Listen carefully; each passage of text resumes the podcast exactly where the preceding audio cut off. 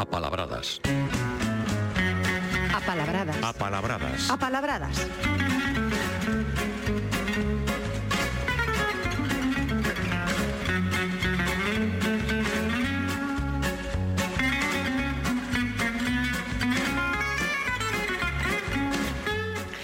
E xa está connosco no Galicia por diante fin de semana, un sábado máis, Paulino Novo, que tal? Moi bos días. Bos días. Vos eh, soleados días, por certo. Sí. sí. Imos coas últimas palabras deste mes de xaneiro, eh, nunca as derradeiras que nos quedan aínda moitas, sí. moitas por diante. Eh, nesta sección, Paulino, pois falamos de palabras e moito dos seus significados que observamos como van cambiando e se van adaptando ou transformando. Hoxe traesnos dous exemplos eh, de palabras moi coñecidas, serra e, e torpe, que chegaron a significados que non tiñan orixinariamente e que se usan máis veces, eh, eh, úsanse neses novos significados. Como é? Sí, ás veces, sí, hai como unha cadea de significados, unha cadea semántica, non? E os significados vanse adaptando, vanse van ás veces vanse facendo figurados, van, van collendo outras extensións e, como dicías, ten, adaptándose a novas realidades. E dase a casualidade, bueno, desto temos falado moitas veces, eh?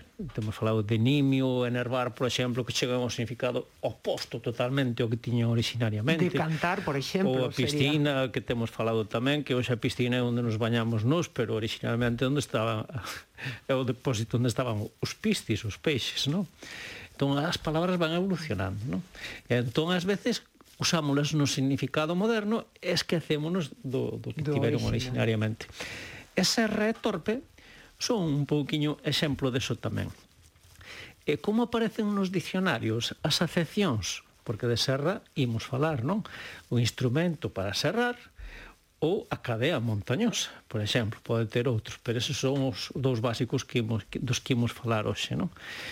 E nos dicionarios, pois eh, algún dicionario pode optar por coller en primeiro lugar, en primeira acepción, o, o significado etimolóxico e ir facendo eh, o, a cadea esa de significados según van evolucionando ou pode optar por coller en primeiro lugar ademais uso En principio non é mellor nin peor, depende que dicionario sexa, o que ten que ser despois é coherente con ese criterio que elixa para xerarquizar as, as acepcións.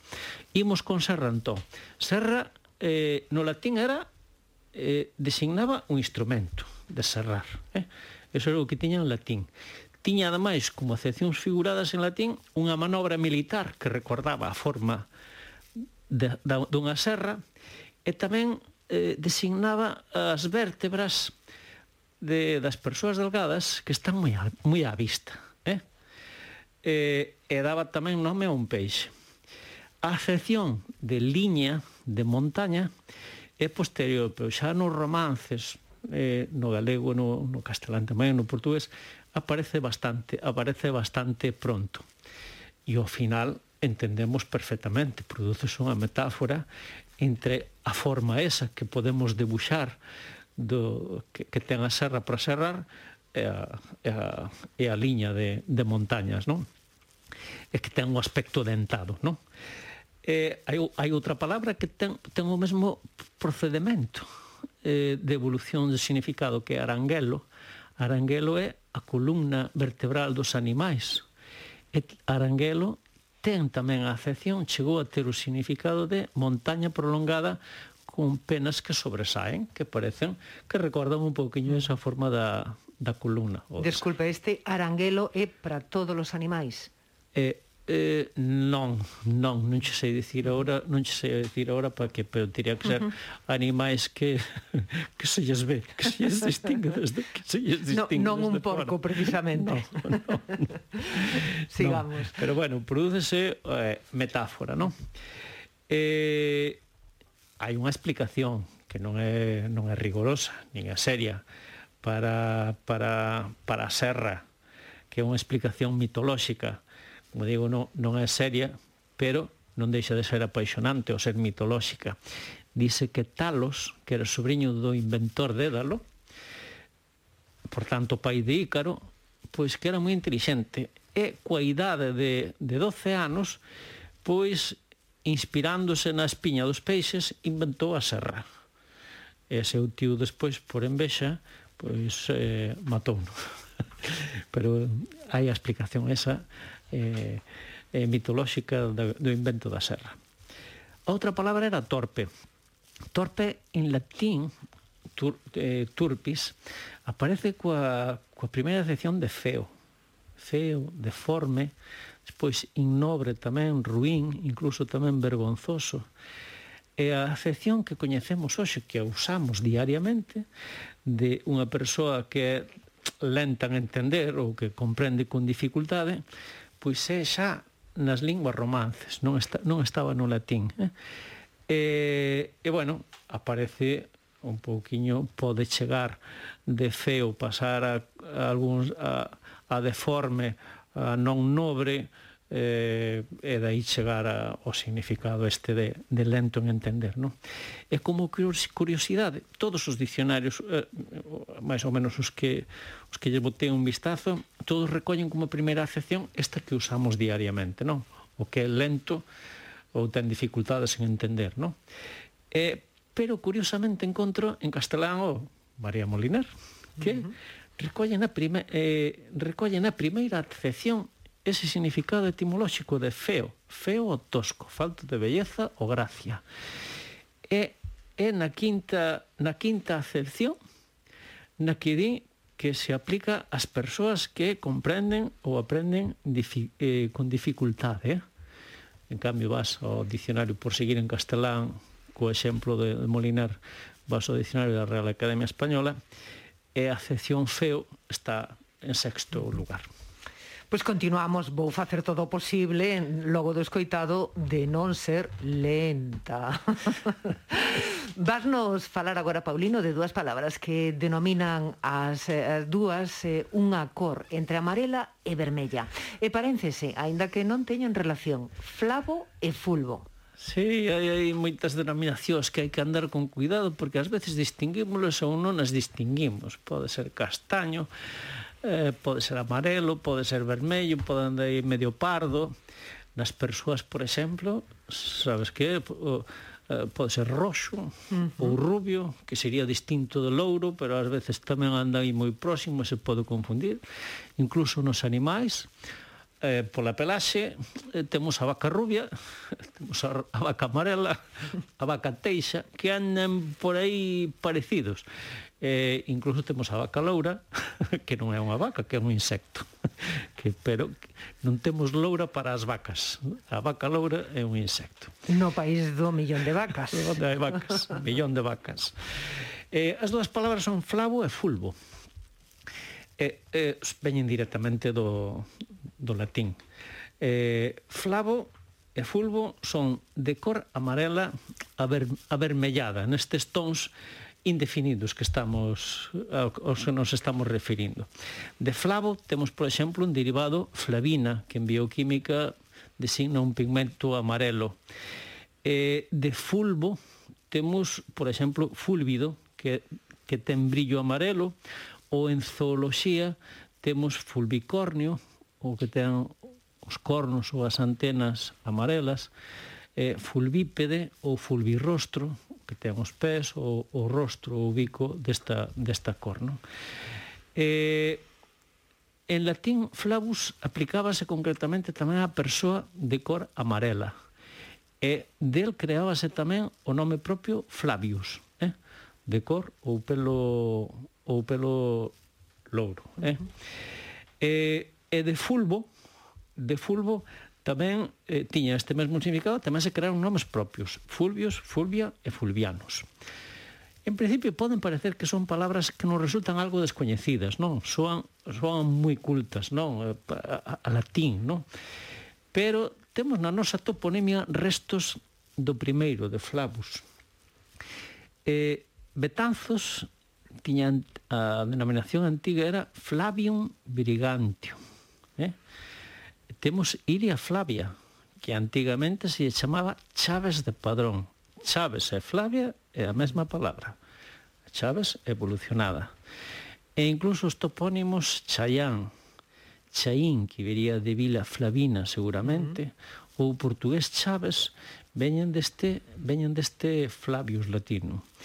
En principio, podía ter dúas, algúns destes topónimos poden ter dúas explicacións relacionadas co emperador Tito Flavio. Sabes que nas denominacións latinas sempre estaba aí o, o emperador que tiña aí que tiña que participara na creación das cidades. Lucus Augusti, que o Augusti desapareceu e quedamos con Lugo nada máis. En cambio, conservouse, por exemplo, en Caesar Augusta, que deu Zaragoza. Entón, sempre iba aí o nome do emperador. Pois podía tamén vir de aí, dese Tito Flavio, ou podía ser, nalgúns casos tamén, por ser un, un sitio onde a terra era desta cor, así vermella, ou o río baixaba con esa cor, ou o fondo do río tiña unha destas cores, que pode ter todas esas, todas esas explicacións. E de, de Flavus, inda hai a posibilidade de outra palabra que procede de aí, aínda que puido eh, do latín, pasar o, a linguas xermanas e eh, chegar e chegar por aí, que pudera dar aí varias voltas antes de chegar. aí dá máis de, de sí? chegar a nós, sí. E en galego e en castelán é foubeiro. Foubeiro, que a mesma palabra, e aplicas a un animal de pelo castaño claro. En castelán é overo. E no castelán de América é jovero e jovero no, en América aplícase a persoa, a persoa de pelo de pelo rubio. En francés hai tamén da mesma da mesma orixe fob, que é de cor leonada e por extensión, por parecerse a un león, tamén ten o significado fero. E de fulbos, de fulbo hai en portugués unha evolución desta palabra patrimonial que é fulo fulo, así tal, así tal como soa. Este fulo en portugués aplicanlo a persoa mulata que ten unha cor un pouco máis clara eh, que non é negra de todo é un pouco brillante é unha persoa que palidece por unha impresión ou a persoa tamén furiosa e irritada Supónse que este este significado de irritado é porque antes de cando te pos irritado tamén te pos colorado, colorado na cara, non? E curiosamente é palabra do portugués, pero tamén aparece no castelán de América. Fulo. E fulo no castelán de América é persoa enfadada ou de mal humor. E tamén a persoa co cabelo louro. Pois que interesante, que interesantes, eh, Paulino, todas estas explicacións, eh, un luxo, o detalle, eh, todas estas averiguacións no, que faz. Pero, sí, sí. Son, son dúas palabriñas, pero que soan un pouquiño raras, pero a nada que rasques, mira como acaban tendo relación... Mm relación con máis cousas das que pensamos. Flavo e Fulvo. Pois eh, avanzamos, que non nos queda xa moito máis tempo. Traesnos dúas palabras moi literarias, usadas unha por Castelao e a outra por Otero Pedrallo, nada menos, construídas sobre Boca. Falo de Boca Noite e Boca Ribeira. Bonitas sí, pero creo que é bastante fácil de deducir o que significan. Sí, eu creo que non teñen non teñen ningún misterio, aínda que non aínda que non as usaramos, nin leramos, eu creo que damos co significado. Son palabras moi literarias. E, e usas a pre... Bocanoite usa castelao, e Boca Ribeira non só a usa, sino que se lle botan as culpas de que, de que a inventou Otero mm. Pedrallo, que era moitas cousas, ademais de escritor, eh, era xeógrafo. Entón, sabía o que, sabía o que quería expresar con esta palabra. Eh, Boca Noite é o luscofusco, é a tardiña ou a noitiña, esa parte do día en que se acaba a tarde e empeza a noite, a boca da noite, boca noite, unha palabra ben bonita. E Boca Ribeira é unha zona orográfica entre unha ribeira e unha montaña, non? É como esa parte baixa da, ver, da vertente dun monte que dá un río ou que dá ao mar. Son, é unha palabra moi descriptiva, moi, moi gráfica, non? pero que xuntada así, feita así, armada así, eh, Boca Ribeira, pois é unha palabra bonita que xa acuñamos para, para a xeografía. Despois, por certo, hai outra que non é tan bonita como estas, Boca Negra. Ai, sí, non, non, ainda hai unhas cantos, uns cantos derivados máis de boca para aquel que, que, que emprega a boca para falar mal hai bastante, se queres traigo un día que hai, pero é, hai, hai bastante. Na túa recompilación, además dos insultos. Sí, no, no, no, eso, eso hai, sí, hai, hai, hai bastantes mate, palabras. Hai materia prima suficiente. Para chamar ya quen fala mal, demais, ou inconvenientemente, mm. ou, bueno. Que ten eses tacos permanentemente na boca, non para sí, sí, sentenciar, pues, redondear as frases. Sí, hai, no? hai moitas palabras derivadas de boca para, para esa xente. E xa para para rematar, Paulino, como sempre, pois unha palabra pouco usada ou bastante descoñecida, remol, tamén usada eh, aludimos neste caso o poeta Luis González Tosar. Sí. É ben bonita. Concretamente, Luis ten un libro que remolda das travesías. Eh, bueno, é a palabra poética. O remol é esa faísca, que, esa chispa que sae do lume e que sobe a, a cesa prendida e se mantén aí un pouquiño en suspensión no aire e acaba apagándose e caendo. Ese é o, ese é o remol. É, chamámoslle, como acabo de dicir, faísca, chispa, charamela, moxena, muxica, ten bastantes, ten bastantes nomes. Concretamente, este de remol pode estar relacionado con molere, latín, moer, daquelo de, de facer, de facer pó.